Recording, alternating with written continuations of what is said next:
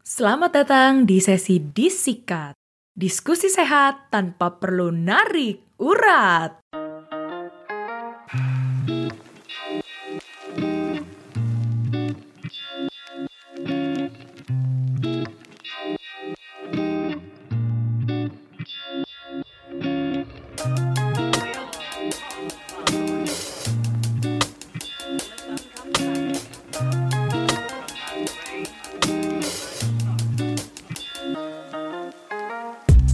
Yang udah ngikutin Abjad Tersirat dari awal, pasti kalian familiar ya sama sesi disikat alias diskusi sehat yang ada di Instagram story-nya Abjad Tersirat. Dan sekarang sesi disikat hadir di podcast Abjad Tersirat sebagai segmen monolog yang paling baru. Dan sama seperti yang gue lakukan di Instagram Story, sesi ini gue hadirkan sebagai safe space untuk kita bisa ngebahas berbagai isu sosial yang sedang marak dibahas oleh media. Tapi gue menyediakan sesi ini sebagai tempat untuk kita bisa latihan berpikir lebih kritis, men-challenge juga tanggapan umum di masyarakat mengenai beberapa isu lewat diskusi yang sehat. Isu yang akan gue bahas kali ini bukan sesuatu yang sempat heboh di media sosial, tapi ini adalah isu yang sebetulnya cukup sering terjadi di sekitar kita.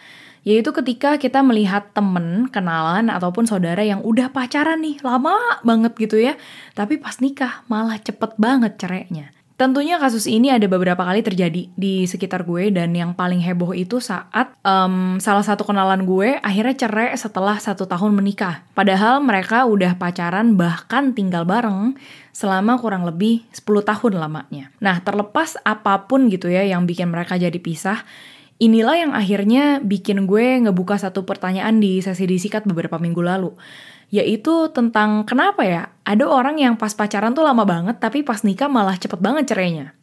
Dan saat gue ngebuka sesi disikat, akhirnya kalian memberikan 5 alasan nih ya. Yang pertama adalah ekspektasi soal pernikahan yang nggak realistis. Dan yang kedua, karena selama pacaran, ya pasangan tersebut jarang atau nggak pernah ngobrol secara terbuka. Terutama untuk ngecekin hal-hal yang sifatnya prinsipal, seperti um, ngatur keuangan gitu, mau punya anak atau enggak, setelah nikah mau tinggal di mana, dan lain sebagainya. Terus alasan ketiga, kenapa orang pas pacaran lama tapi pas nikahnya tuh cepet banget cerainya, karena mereka bertahan selama pacaran hanya karena tanda kutip males putus gitu.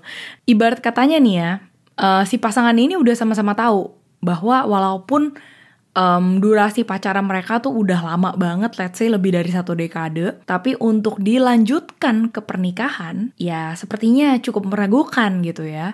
Cuma gimana dong, kan udah lama banget nih pacarannya, udah kenal deket juga sama keluarga, teman-teman kita juga circle-nya sama, tapi kalau putus tuh kayak males banget gak sih lo nyari orang baru lagi gitu dari nol? Dan alasan lainnya yang sempat kalian share juga adalah soal kecocokan di dalam hubungan seks yang mungkin nggak ketemu di tengah.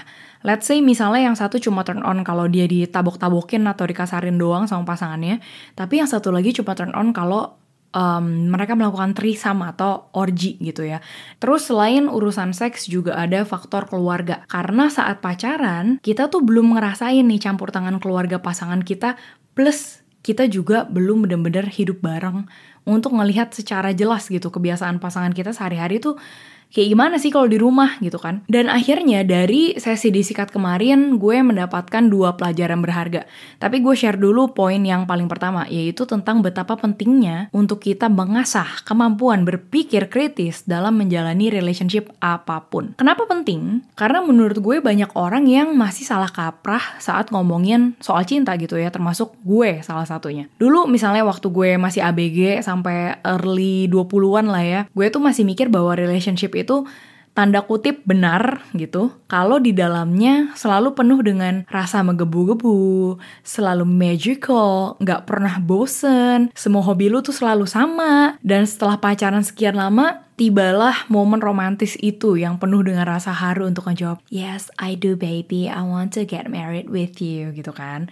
Tapi gantian ngomongin soal duit, mau tinggal di mana abis nikah, mau punya anak apa enggak, urusan ngerawat orang tua akan seperti apa, Ya mungkin kebanyakan dari kita setelah mendapatkan cincin jadi langsung zong gitu ya. Dan ngumpet di balik keajaiban cinta dengan bilang, ya gampang lah pokoknya asal kita saling cinta pasti semua akan baik-baik aja gitu be gitu kan. Ya jujur, jujur ya. Ada benernya statement itu gitu. Tapi dari yang gue pahami dan yang sudah gue jalani, relationship itu banyak tahapannya. Dan ya banyak musimnya gitu. Dan tentu aja musimnya kagak cuma musim semi doang yang indah dan penuh dengan bunga. Maka dari itu akhirnya masing-masing dari kita dan juga pasangan harus cari cara untuk mempersiapkan mental dan juga uh, hubungan kita di berbagai musim gitu yang salah satunya, ya dengan kita nggak cuma mikirin manis-manis cinta aja, tapi juga mikirin secara logis, gimana kita bisa menghadapi tantangan dengan cara yang dewasa dan bijak. Terutama saat kita tujuannya emang udah yakin untuk nikah. Nah, kalau misalnya ngomongin soal berpikir kritis di dalam hubungan, gue selalu pakai analogi nyiapin pernikahan itu kayak kita lagi mempersiapkan sebuah proyek kuliah yang besar dan penting gitu ya, yang nantinya akan lu pertanggungjawabkan ke Tuhan. Karena ini ceritanya proyek kuliah kehidupan gitu. Dan project ini baru akan berakhir ketika lu atau pasangan lu atau dua-duanya udah mati. Nah, kalau hubungan memang adalah sebuah project kehidupan yang sepenting itu, ya gue pribadi nggak bisa dong asal-asalan cuma pakai modal feeling doang gitu. Guanya juga harus memperlakukan hubungan ini secara profesional. Makanya waktu itu di segmen siapa tahu guna gitu kan, gue pernah nulis satu postingan tentang 5 pertanyaan penting yang perlu lu jawab supaya lu nggak buang-buang waktu selama pacaran. Nah, kalau lu mau dengerin lebih lagi penjelasannya, abis ini lu bisa langsung dengerin episode 68 karena di situ gue udah ngebahas secara detail. But anyway, um, balik ke isu kita hari ini, Tadi kan gue udah sempat mention ya bahwa gue nggak bisa cuma bermodalkan feeling doang untuk mempersiapkan pernikahan yang sepenting itu buat gue. Dan maka dari itu, ini lanjut ke pelajaran berharga yang berikutnya, yaitu memahami bedanya mau menikah dan siap menikah.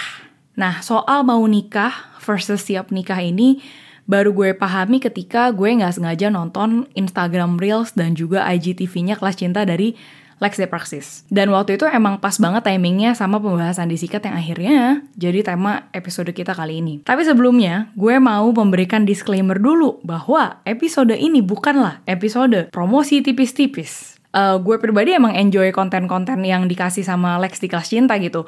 Dan dia memang sempet jadi tamu juga di segmen Seminggu Bersama karena pembahasan yang dia kasih soal relationship itu tuh sangat mudah untuk dipahami. Dan penjelasan yang akhirnya nyantol banget di otak gue soal mau nikah versus siap nikah adalah ketika si Lex memakai analogi orang yang mau bertanding olahraga. Dari penjelasan si Lex, orang yang mau bertanding nggak berarti dia siap untuk bertanding. Coba gue ulangi ya orang yang mau bertanding itu nggak berarti dia siap untuk bertanding. Karena kalau cuma modal mau doang, semua orang pasti bisa. Tapi untuk mencapai ke tahap kita siap tanding, berarti ya kita udah dari jauh-jauh hari ngaturin fisik kita, mental kita, pola makan, pola tidur, uh, ngelakuin program latihan yang udah direncanain, dan segala macem ya. Kalau akhirnya kita belum betul-betul mempersiapkan itu semua untuk hari pertandingan, masih bisa nggak kita tanding? Ya bisa, tapi kemungkinan kita gagal atau cedera ya akan jauh lebih banyak juga gitu. Dan begitu pun soal pernikahan. Semua pasangan yang mungkin udah pacaran cukup lama ya bisa aja untuk bilang mau nikah. Tapi untuk kedua pasangan itu siap nikah, tentunya itu lain cerita gitu. Dan terlepas dari siap atau enggak, kalaupun kitanya masih mau tetap jalanin ya bisa-bisa aja.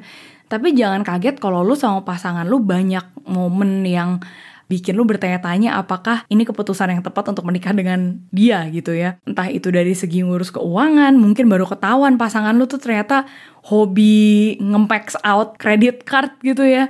Atau mungkin demen pinjol terus pakai KTP lu atau mungkin ya saat kalian ngadepin masalah tambahan gitu dari keluarga masing-masing, ya itu semua pasti tentu aja akan membutuhkan waktu adaptasi yang jauh lebih banyak ya. Ketimbang misalnya lu udah ngomongin dari jauh-jauh hari, dari sebelum nikah gitu ya, soal peritilan-peritilan itu semua. Nah makanya ada satu penjelasan juga dari Lex yang gue suka gitu ya, yaitu tentang makna pacaran. Dia waktu itu sempat tanya gitu di IGTV-nya, makna pacaran sebenarnya apa sih buat lu gitu? Apakah harus selalu berujung ke pernikahan atau lu pakai momen pacaran ini untuk evaluasi? Karena kalau misalnya tujuan lu cuma mau nikah, ya hati-hati juga gitu karena bisa jadi kita maksain orang dan hubungan yang memang gak sesuai buat kita.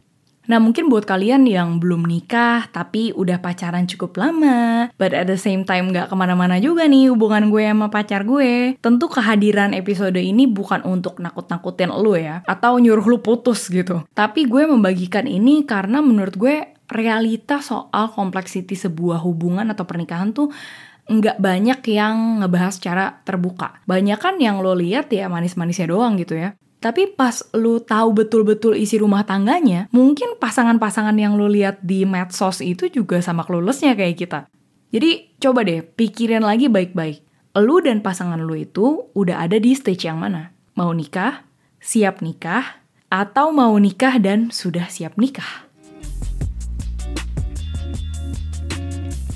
Dan sebelum episode ini berakhir, seperti biasa gue mau kasih satu pertanyaan untuk kalian semua.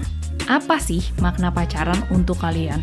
Apakah harus selalu berujung ke pernikahan? Atau ini adalah tempat lu dan pasangan untuk saling belajar dan evaluasi tanpa maksain situasi untuk ke jenjang pernikahan?